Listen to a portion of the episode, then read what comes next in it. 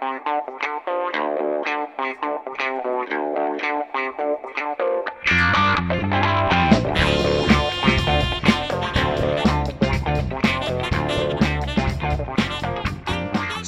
köszöntünk mindenkit, ez itt a Mazguf újabb adása. Én Szalai Máté vagyok. Én pedig Wagner Péter. Hogy vagy Péter ma? Ma egy kicsit nehezen indult a reggel, de vettem kólát és pogácsát, és most már jobban vagyok. Szóval azt mondtad, hogy még befutott kutatóknak is vannak rossz hétfő reggeleig.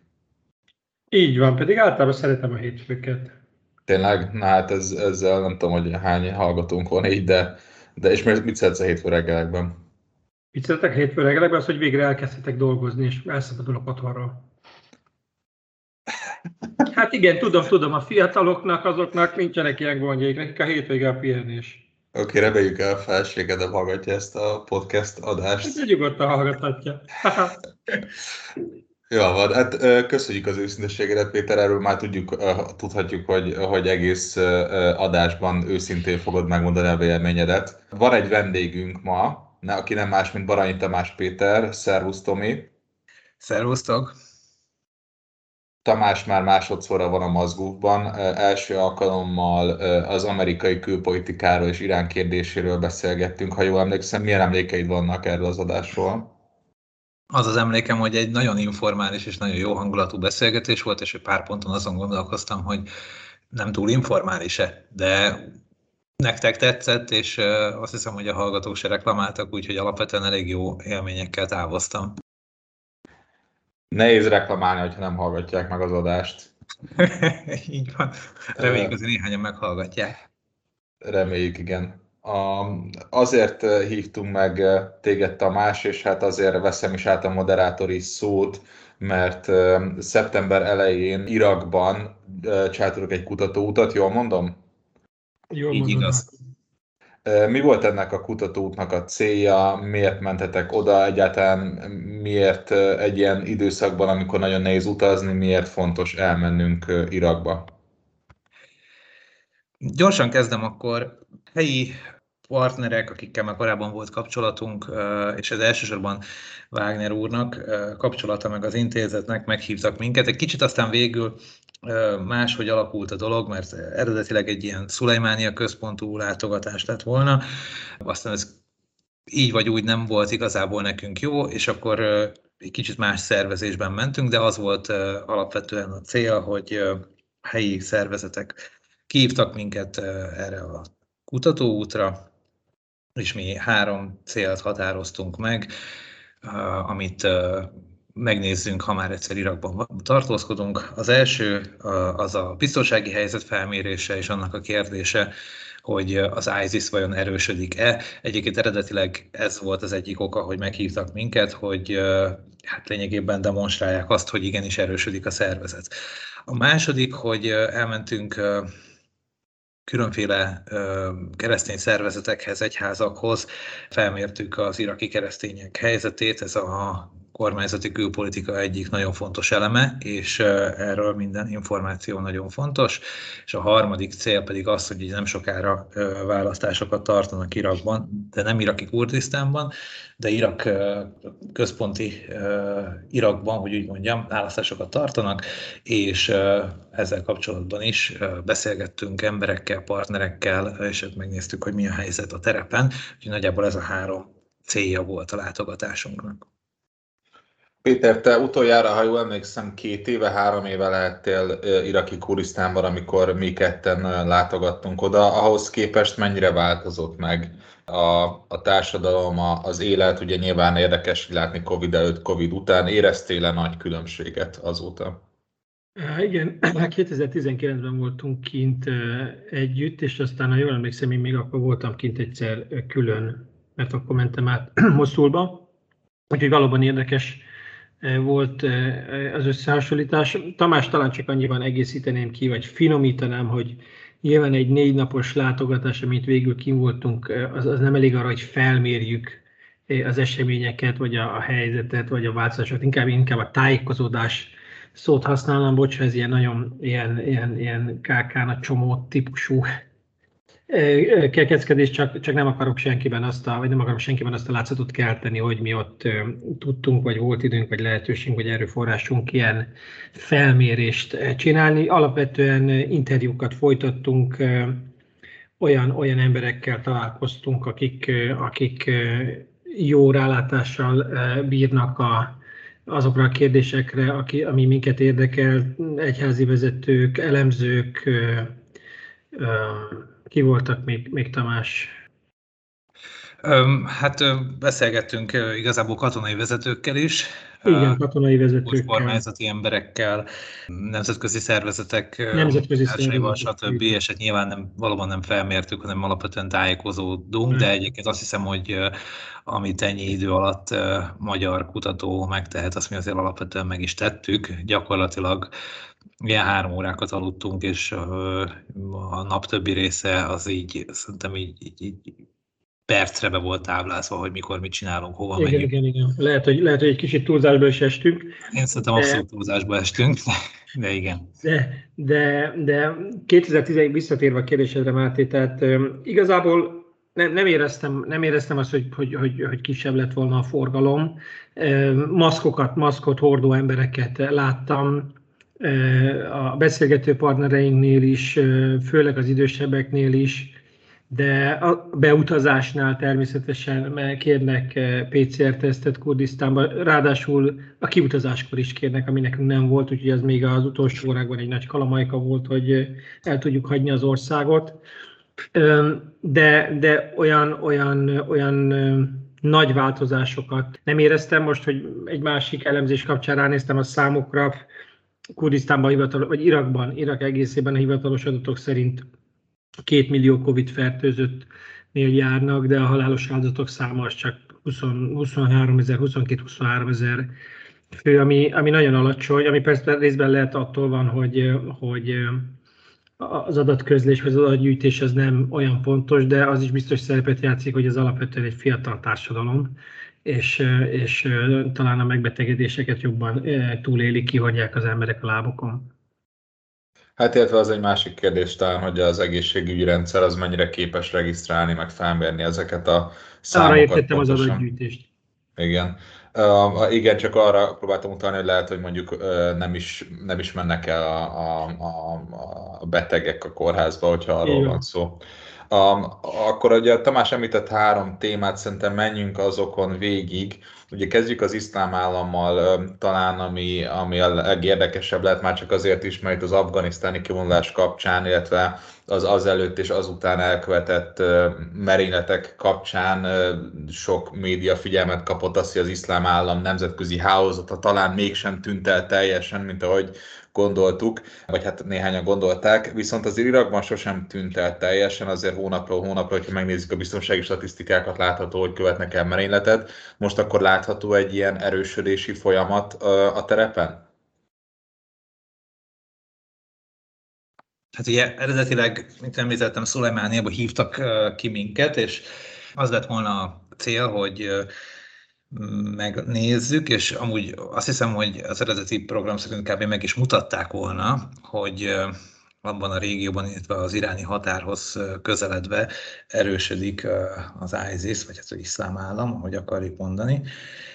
Végülis ez a programunk nem valósult meg, de az kétségtelen, hogy mindenki úgy tartja, hogy ott az területen ott eléggé megerősödtek.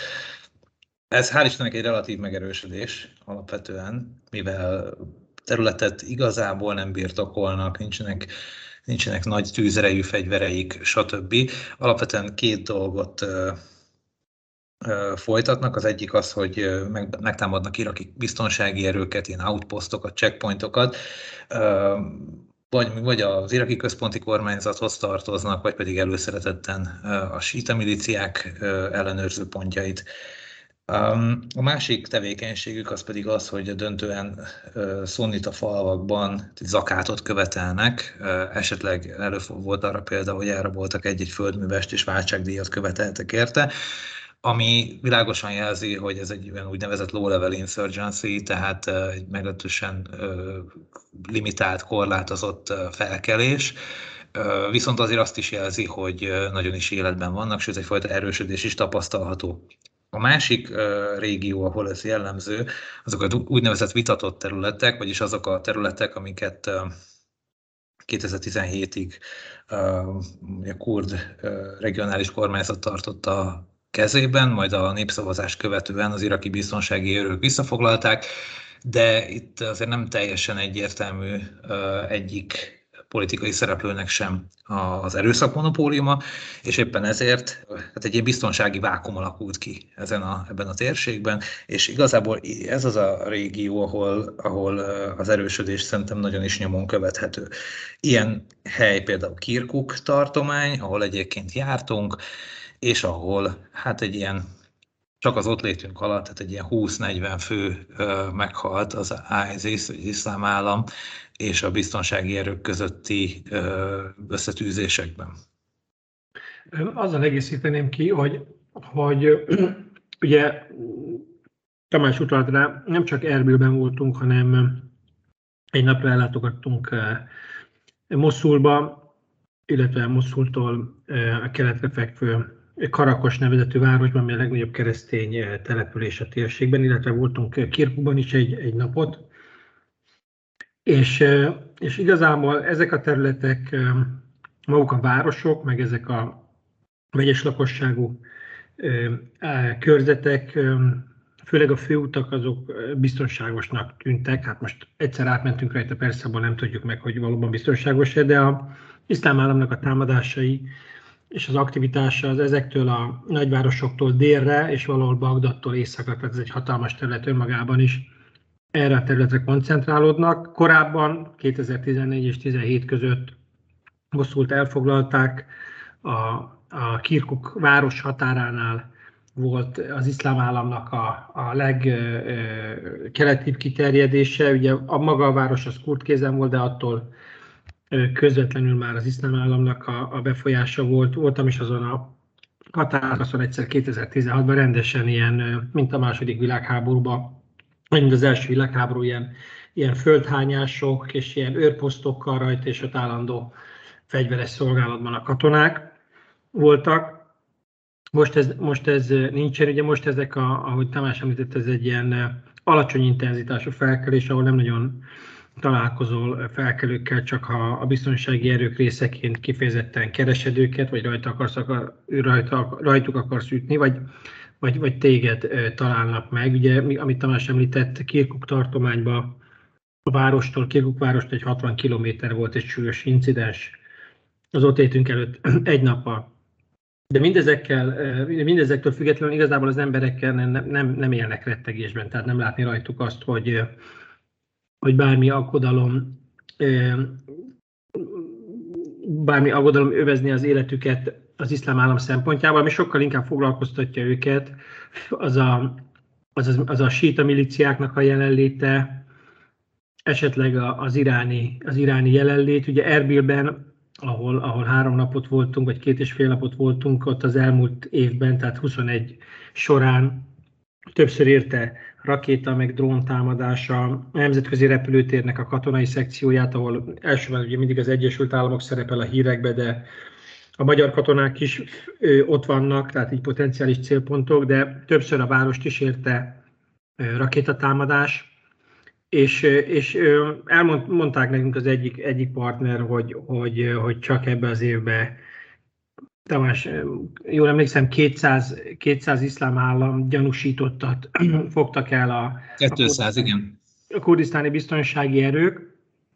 Tehát, hogy, hogy alapvetően két, kétfajta fenyegetés van jelen. Az iszlám állam a kurd területeken nem tudott idáig gyakran érdemi, súlyos terrortámadást végrehajtani, se a kurd biztonsági erők ellen, se a civil lakosság ellen. Vannak ezek a vitatott területek, amely ezek a biztonsági vákumok, ahol ahol a földrajzi határok miatt nem ér össze fizikálisan a kurd biztonsági erők és az iraki biztonsági erők által ellenőrzött terület, és akkor ott ezeken a senki földjén tudnak megtelepedni, és, és ezáltal igazából a terrorszervezet aktivitása a kurd területekről délre, tehát az iraki kormányterületén van, de mondom, a síta miliciák, amelyek ott vannak ezen az iraki területeken, ezek, ezek jelentenek olyan fenyegetést, amelyek mondjuk a havonta lehet találkozni, legalábbis Kurdisztánban. Amikor történik egy támadás, vagy valamilyen incidens Irakban, és utána azt a statiszti, valamilyen statisztika készítő kutató, vagy, vagy think tank beírja az iszlám államnak, ez a folyamat, ez mennyire megbízható szerintetek? Én emlékszem arra, hogy, hogy a helyi ENSZ szerveztek, jelezték azt, hogy nagyon gyakran az történik, hogy vannak kisebb villongások, törzsek, vagy akár egy-egy földművelők között, az egyikük fellép a másik ellen, és a másik nem azt fogja mondani a hatóságoknak, vagy a képen csinálja a statisztikát, hogy na, ez egy köztünk lévő gazdasági vita, mert múlt héten én gyújtottam föl az ő kertjét, most meg ő, most meg ő az enyémet, hanem azt fogja mondani, hogy az iszlám állam volt. Mit gondoltok, mennyire van ez a jelenség, hogy beállátnak helyi konfliktusokat az iszlám állam fenyegetésébe? Ez nem ilyen kontextusban jelentkezett most, hanem, hanem egy kicsit egy más típusú igazából az iszlám állam és az iráni milíciák közötti akcióknak az elszámolásában. Majd Tamás ezt mindjárt elmesél, egy másik dologra szeretnék kitérni, amikor 19-ben voltunk, Máté talán emlékszel, akkor az volt a, a népszerű idézőjelbe sztori, hogy, hogy az iszlám állam felgyújtja a, a búzamezőket ezeken az észak-iraki területeken, nem tudom, erre emlékszel Igen, igen, igen. Hogy ugye, hogy ezzel, ezzel büntetnek, meg ezzel fenyegetnek, meg ezzel lehetetlenítik el a, akár a keresztény földműveseket, és idén ez, ez teljesen hiányzott, és azon gondolkodtam, és szóba is hoztam egy-két ilyen beszélgető partnerek, hogy van-e valami magyarázat, mert aztán, tehát ha én terrorista vagyok, és, és felgyújthatok mezőgazdasági területeket, búzatáblákat, az, az tényleg nem egy veszélyes dolog, mert ott nincs senki. Tehát azt gondolnám, hogy ezt minden évben megismételhetni az iszlám állam, hogy felgyújtja a búzamezőket, ha nincs jobb szórakozása. Idén ez teljesen kimaradt, és igazából senki sem tudott rá jó magyarázatot adni, hogy ez idén miért maradt ki. És két éve hallottunk egy olyan verziót is, hát ez nem feltétlenül biztosan így van, csak sejtik, de ugye egy, egy, egy ilyen mezőgazdasági tüzek, meg, meg gabonatüzek, azok, azok nem feltétlenül a szándékos gyújtogatásból lehetnek. Úgyhogy nekem igazából itt volt az, itt jött elő az a gondolat, hogy, hogy lehet, hogy tavaly előtt ez kicsit egy ilyen hisztéria volt, hogy, hogy tüzek voltak, és az embereknek valami magyarázatot kellett rá találni, és hihető volt az egészet az iszlám államra fogni. Igen, hát alapvetően hasonló következtetéseket vontam le én is. Egyrészt az, hogy akár a helyi szereplők, akiknek valamiféle konfliktusa van, ezek rendkívül komplex és nagyon nehezen átlátható dolgok. Az, hogy kinek milyen konfliktusa van a másikkal, az, az tudom, Magyarországon, Hajdú megyében sem föltétlenül tök egyértelmű, hát itt pedig sokkal bonyolultabbak ezek a viszonyok. És egyrészt kétségtelen létező dolog, amit mondasz, olyannyira, hogy pont Kirkuk tartományban, annak a déli részén, már miután elmentünk, volt egy híres eset, amikor egy, egy ellenőrző pontnak a, a, tulajdonképpen az egész legénységét lemészárolták, és akkor azt hozzáírták az iszlám állam támadásaiban elhunytak listájához, és aztán helyi újságírók és, és hát a rendvédelmi erők alacsonyabb szintjén embereknek gyanús lett a történet, és ez kiderült, hogy igazából ez egy, ez egy, család, ez egy nagyon elfajult családi vita, ahol helyi falusiak eljöttek bosszút állni a katonákon, akik egyébként erőszakot tettek egy, egy, egy lányon a faluban, vagy valami ilyesmi.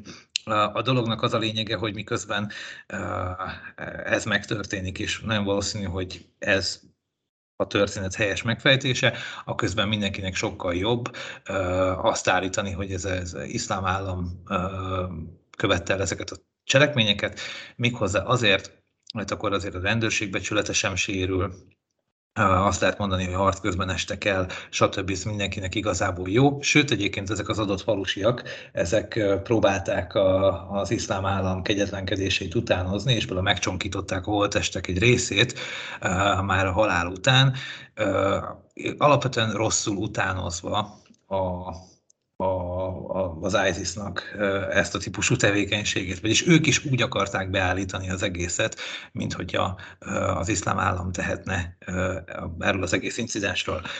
Tehát van egyrészt egy ilyen motorja ezeknek a dolgoknak, amivel nagyon nehéz megmondani, hogy ki az, aki voltak éppen tényleg az iszlám állam áldozata lett, és hogy mennek ebből arra következtetni, hogy mennyire erősödött meg az iszlám állam.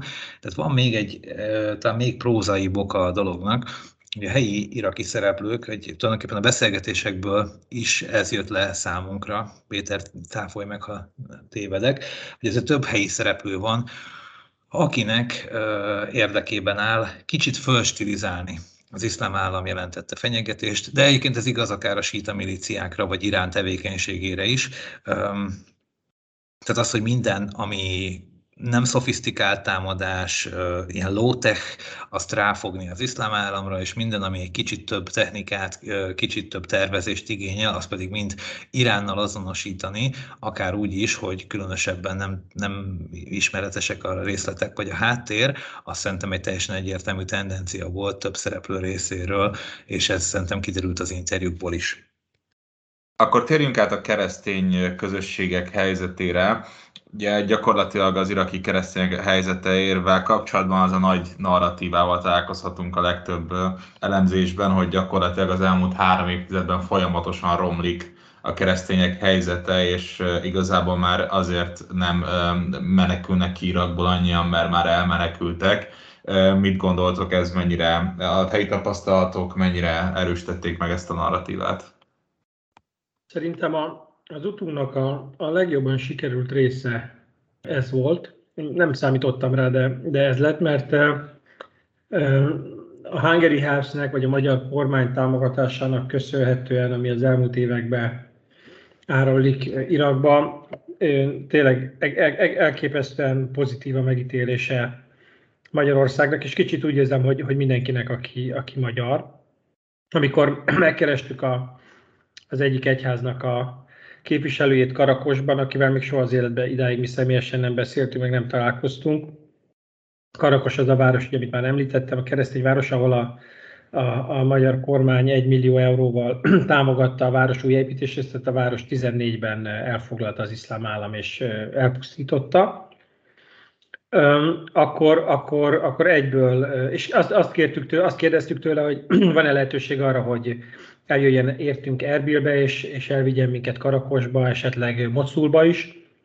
És, és abszolút egyből rendelkezésünkre állt, és egy, egy fantasztikus napot töltöttünk Roni atyával, akivel, aki, akivel, akivel elmentünk először tényleg Karakosba, a helyi érseki székházba, utána elmentünk Moszulba, megnéztünk egy helyi, az első és idáig egyetlen újjáépült és működő keresztény gyülekezetet, aztán megnéztük a, azokat a templomokat, megnéztünk néhány templomot, amelyet az iszlám állam lerombolt, Moszulban 2014 és 17 között, és ott volt a pápa látogatás is, vagy a, a pápa miséje idén.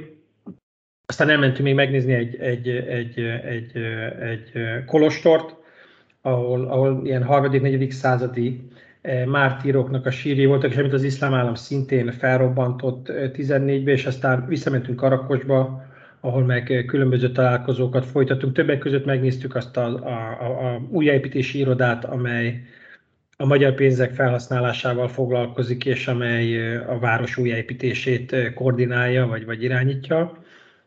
És igazából nekem, nekem az jött le, hogy, hogy egy nagyon tehát van egy nagyon óvatos visszatérés. Talán azt nem mondanám, hogy azt, azt mondták, ugye a korábbi adatokból azt tudtuk, hogy Karakos ugye például ez egy település, ez egy város volt 50 ezer emberrel, ami egy egybe kiüresedett, és mindenki elmenekült Kurdisztánba. Erbil ez innen olyan azt hiszem 70 kilométerre van és, és oda körülbelül a lakosság felett ért vissza idáig, és ez a szám, most is ezt a számot hallottuk, talán 60 százalék, tehát hogy volt egy gyors visszaáramlás az iszlám állam kiűzése után, az olyan 17-18-ban volt, azóta nem nagyon nőtt értemben az új építés, de hozzáteszem most ugye ebből a tájékozódásból azt is megtudtuk, hogy a, hogy a, hogy a, a város házainak ugye a, a, az egyharmada még mindig nincs újjáépítve, tehát az elmúlt, azt mondja, hogy 17, 18, 19, 20, az elmúlt 5 év az arra volt elég, hogy, hogy 55-60 százalékot építsenek újjá a, a házakból, és azt mondták nekünk ott a, a helyi vezetők, hogy még egy durván 5 évre van szükség.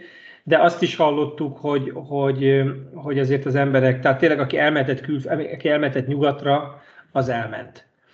Aki úgy döntött, hogy még itt akar maradni, az most iraki Kurdisztánban él főként, Erbilben részben, vagy nagyobb részt Erbilben telepedett le, és, és azért vannak, akik vagy visszatelepültek ide Karakosba, vagy pedig ilyen kétlaki életet élnek. És hát még ott van Moszul, ugye, ami szintén, szintén minden keresztény elmenekült. Ott, hogy megnyílt ez a, ez a plébánia, ha jól emlékszem, ez a szírkatolikus egyházé volt, akkor, akkor mondjuk ez azt is jelenti, hogy oda is van egy nagyon óvatos, vagy lett egy nagyon óvatos visszatérés a keresztények részéről.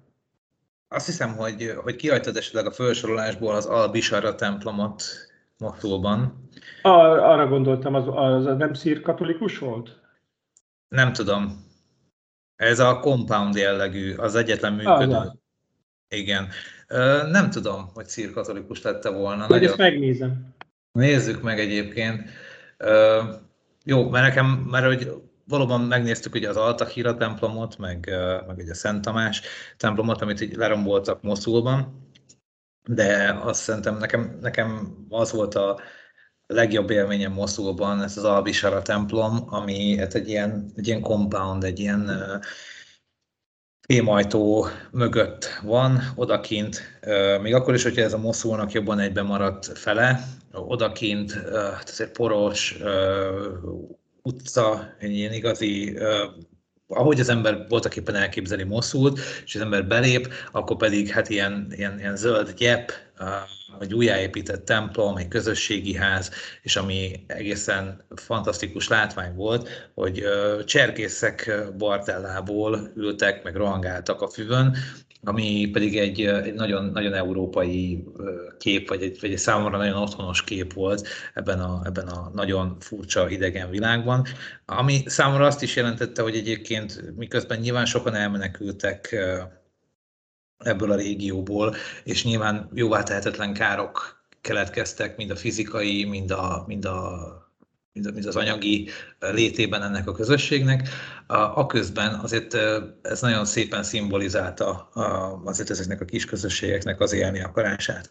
Visszatérve egyébként a, a nagy kérdést, amit feltettél Máté, én azt gondolom, hogy ez nagyon sokáig azért így is volt. Tehát a, 1990 előtt a közelkeleti keresztények helyzete tényleg összehasonlíthatatlanul rosszabb, jobb volt, mint ami utána következett. Ez nagyon sok mindennek az eredője egyébként, de kétségtelen, hogy ezek a, ezek a nagy, hát jobb hiány azt mondjuk rá, hogy szekuláris, de de mindenképpen egy ilyen korábbi politikai kultúrába illeszkedő államok hát kevésbé érintették a keresztény közösségek életét, mint az, ami 1990 után következett, eh, itt az ilyen különböző törzsi, akár vallási identitások újra felszínre kerülése, nyilván a keresztények egy ilyen gyengébb helyzetben vannak, és eh, hát ez eh, aztán valóban meg is látszott a helyzetük romlásán.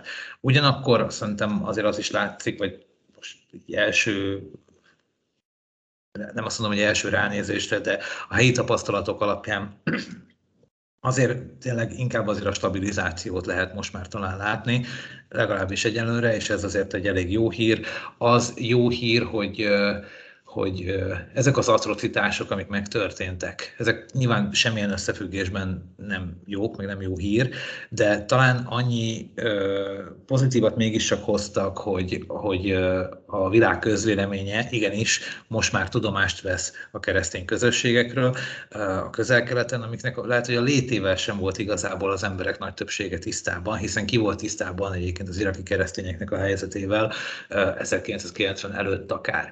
Az, hogy ez a téma viszont szem előtt van, napirendre került, a horizontra került, az tulajdonképpen segít abban, hogy ami megmaradt, azt, azt hatékonyabban lehessen óvni, és egyébként ez a magyar kormányzati politika is ezzel kapcsolatban az iraki és közelkeleti keresztény közösségek támogatása, az üldözött keresztények védelme.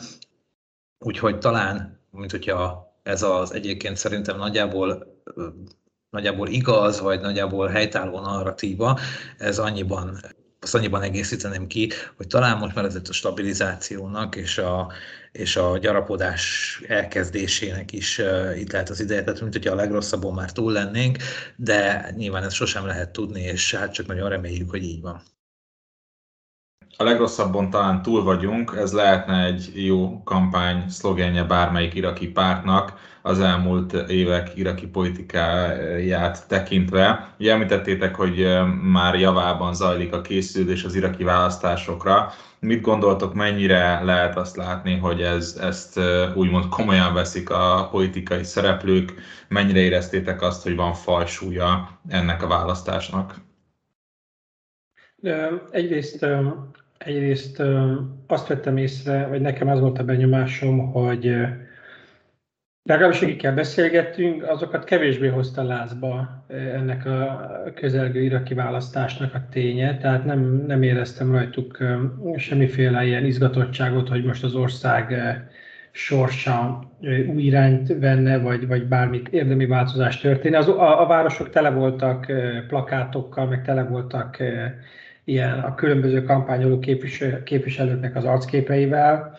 Ugye volt a 2019-ben elkezdődött tiltakozás hullám hatására, 2019-ben indult, csak mondom az olvasóknak vagy hallgatóknak, ugye egy nagy tiltakozás hullám fiatal, a fiatal generációk részéről a politika elittel szemben, amit részben úgy tudott leszerelni a jelenlegi elit, hogy, hogy módosítottak a, a parlamenti választásokon, aminek az eredményeképpen most már választókörzetekben egy-két-három választó, vagy képviselő mandátum van csak, és, és tehát sokkal fontosabb, hogy a jelöltnek legyen arca meg neve, akire ott helyben szavaznak. Én ezzel, ennek tudtam be, hogy nagyon sok ilyen fényképes, arcképes kampány, plakát volt a, az utcákon, tényleg, tényleg ez nagyon, nagyon látványosan sok volt.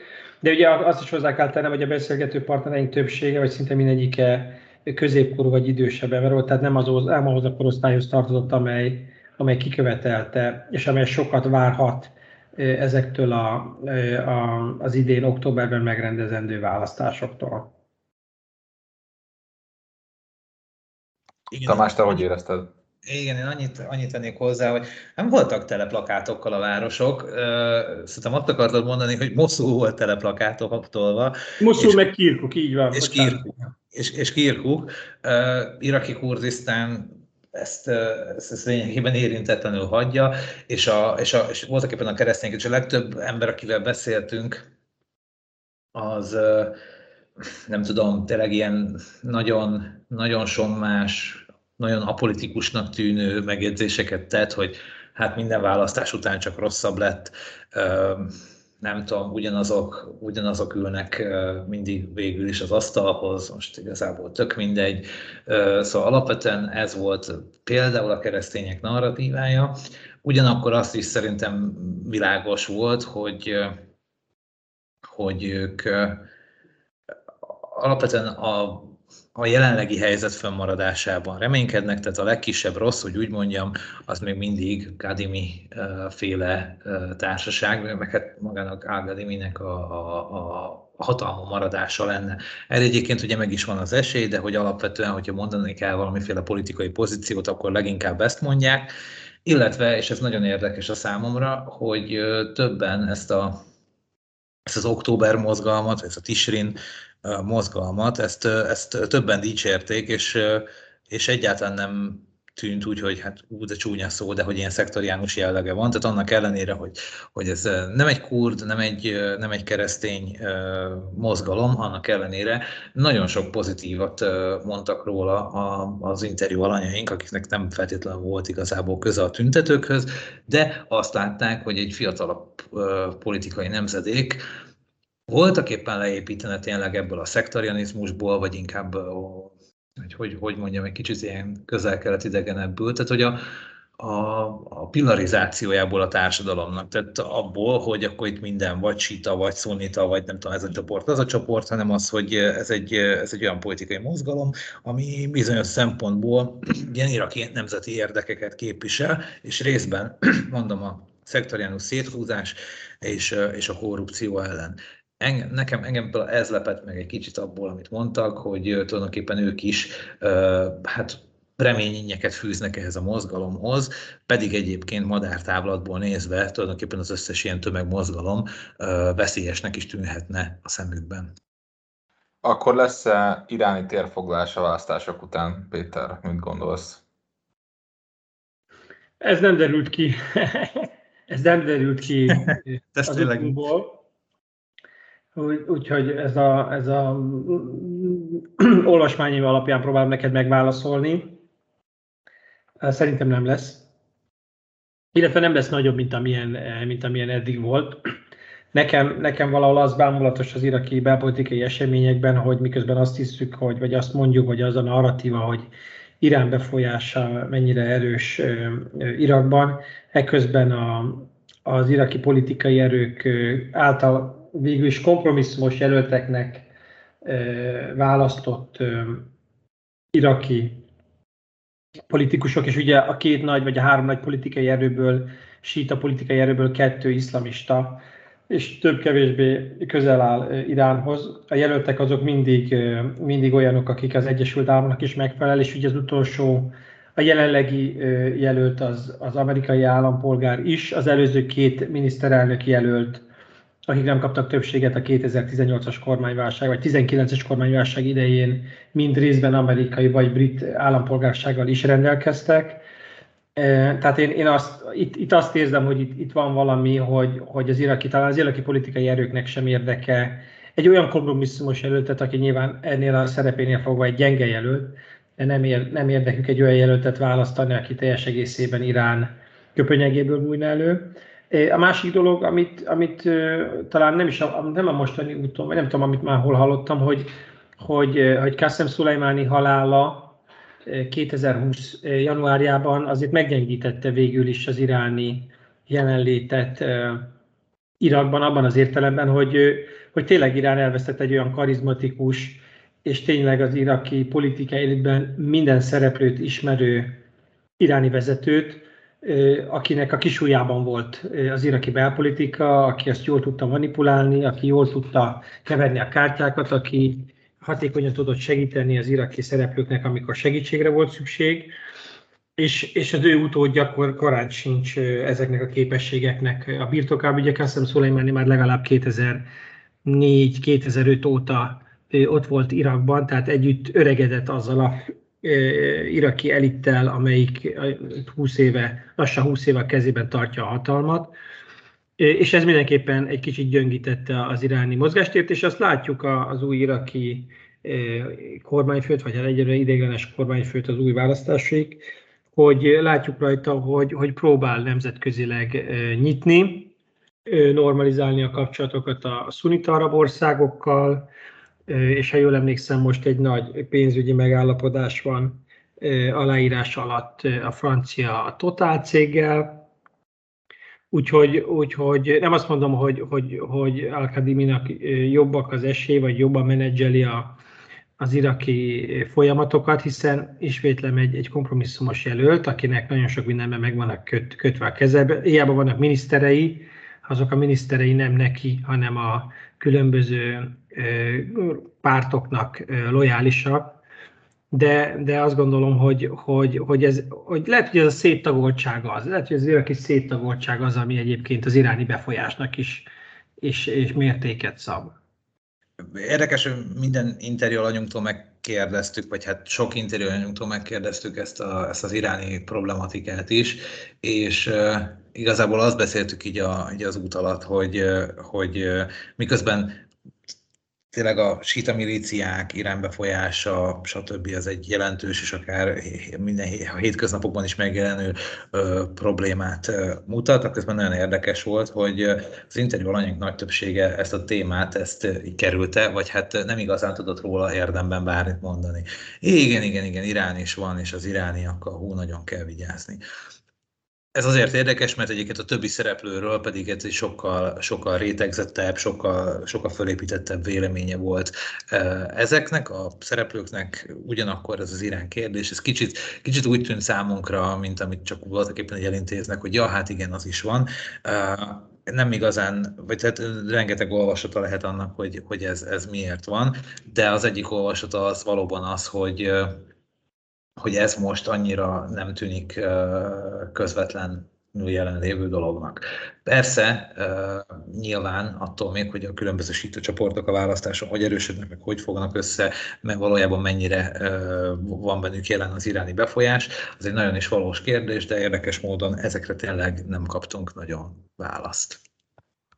Köszönöm szépen ezt a, az élménybeszámolót. Így a beszélgetés végére egy utolsó kérdésem maradt, illetve kettő utolsó kérdésem maradt. Egyrészt ettetek a mazgúfot, ez nagyon fontos kérdés. Úgy emlékszem, hogy most kihagytuk a mazgúfot. Hát én biztos emlékeznék rá, ettünk volna mazgúfot, és, és azt kell mondom, hogy nem. Egyébként meg nem nagyon ettünk sokat, azt mm. hiszem. Hallgatóink fel fognak háborodni, de semmi baj. A másik kérdésem pedig az lenne, hogy volt-e valamilyen nagyon izgalmas, meglepő élmény, amiben, amit láttatok, amit még megosztanátok velünk egy kedvcsinálónak gyakorlatilag, hogy miért utazzunk el iraki Kurdisztánba? Igazából én már a korábbi, a korábbi válaszaimba belecsempésztem a legjobb élményemet, azt szerintem tényleg ez a, az a Moszuli templomnak a meglátogatása volt, nekem igazából az volt a legjobb élmény. A, legmeglepőbb, vagy, vagy az én meglepőbb élményeimről is, uh, is beszéltem. Ja, nekem sok minden új volt, én először voltam Irakban, nekem az is egy, egy új élmény volt, hogy Wagner úrral nagyon kellemes utazni igazából, csak az ember ne keveredjen a fényképezőgép és a fényképezendő objektum közé, mert, mert abból lesz nem ulas, de ezen kívül nagyon jó volt vele utazni. Összességében engem az nagyon az nagyon kellemes volt egyébként alapvetően, hogy miközben ezek a biztonsági kérdések persze fönforogtak, a közben végig nagy biztonságban éreztük magunkat. Amikor a kirkuki érsek vendégei voltunk, akkor azt hiszem, hogy, akkor azt hiszem, hogy különösen, és hát fantasztikus volt megismerkedni a kirkuki érsek egy Yusuf Tumával, aki amellett, hogy hát egy igazi ottani keresztény, aki arámiul és arabul beszél, azon kívül több PhD-je van Franciaországból, több tudományterületen alkot kiemelkedőt, és akivel magyar történelemről és nyelvészetről lehet beszélgetni kimerítően és mélyen. Tehát egy ilyen igazi európai polihisztort találni Kirkuk közepén, az mindenképpen egy, egy egészen fantasztikus élmény volt. Én is, én is Kirkukat jelölném meg, és, és az érsek úrral való találkozás már csak azért is, mert, mert vele nem csak egy ilyen szokásos találkozunk egy vagy két órára, és hosszan beszélgetünk típusú találkozásunk volt, hanem gyakorlatilag csütörtök délután 5 órától péntek hajnali, péntek éjjel 12-ig vele voltunk együtt. Megmutatta azokat a, a projekteket, amit az egyháza Kirkukban és Szulejmániában vezet, vagy, vagy irányít, vagy épít, és ez, ezek önmagában fantasztikusak voltak abból a szempontból, hogy, hogy keresztények már alig élnek ezen a területen, de mégis kórházat építenek, iskolát működtetnek, és ez egyébként rámutatott arra, hogy a keresztények szerepe az arab társadalomban messze túlmutat azon, hogy ők most ott a lakosság 1, 2 vagy 3 százalékát képviselik, mert a keresztények jelenléte gyakorlatilag mindenhol a minőséget jelenti egyben, tehát a, a muszlim családok is nagyobb kedvel íratják a gyerekeiket keresztény általános iskolába, mert az oktatás minősége ezekben a, ezeken a helyeken jobb, amit, amit akkor ért meg az ember, ha például megismerkedik az érsek úrral, aki, ahogy Tamás mondta, Franciaországban végezte a, a tanulmányait, angolul, franciául is kiválóan beszél, a magyar történelemről is lehetett vele beszélgetni, van három diplomája, és, és csupa ilyen nagy tudású ember mozog ezeken a környékeken. Megnéztük a Kirkukban egy, egy új lakótelepet, amit az érsek úr elkezdett kvázi fejleszteni, hogy, hogy oda gyűjtse a, a, a keresztényeket, Kirkuk, tehát hogy Kirkukból egy helyre gyűjtse össze a keresztényeket, és ez nem csak úgy, hogy ott lakások épülnek, hanem oda közösségi tér épül, oda iskola épül, egy nagyon modern iskola épül fel. Úgyhogy nekem, nekem ez, ez volt a, a, a legjobb. Megnéztük, elmentünk vele egy, egy péntek reggeli misére, ott az érseki lakban együtt lenni vele másfél napot, ez egy kicsit olyan volt, hogy egy kicsit beletekinteni, belenézni az ő életébe. Egyébként se találkozom gyakran érsekekkel, ezt ugye be kell vallanom, de hogy, hogy mindezt Irakban és mindezt egy ilyen, ilyen hangulatban nagyon kitüntetve érizi magát ilyenkor az ember. Így van, és egyébként csak ha már, ha már ennyire komprehenzíven belementél abba, hogy, hogy mi mindent mutatott nekünk, de elvitt minket egy, egy ötödik századi, azt hiszem, hogy öt, de annál semmiféleképpen sem nagyon több, templomromhoz, és ott megmutatta, hogy mit kellene látni itt a, a, a, a régészetileg egyébként nem feltárt romok között, de egyébként ő szervezi ott a környéken az oltási kampányt is Kirkukban, ahol egyébként keresztények, muszlimok és bárki, aki betéved, oltást kap, úgyhogy tényleg egy, egy fantasztikus, nagyon szerteágazó tevékenység, és és egy fantasztikus élmény volt az a másfél nap Yusuf Tuma érsekkel. Nekem is egy nagyon különleges élmény volt hallgatni titeket és az úti beszámoltokat. Baranyi Tamás, Wagner Péter, köszönöm szépen. A Köszönjük. következő mazgufra nem tudom, hogy mikor fog sor kerülni, de remélem, hogy azért a kiválasztások után tudunk egy másik beszélgetést folytatni. Péter, mit gondolsz, ez jó téma lenne legközelebb? Szerintem ez egy nagyon érdekes téma lenne, illetve téma lesz. Tartsuk róla mindenképpen egy mazgufot.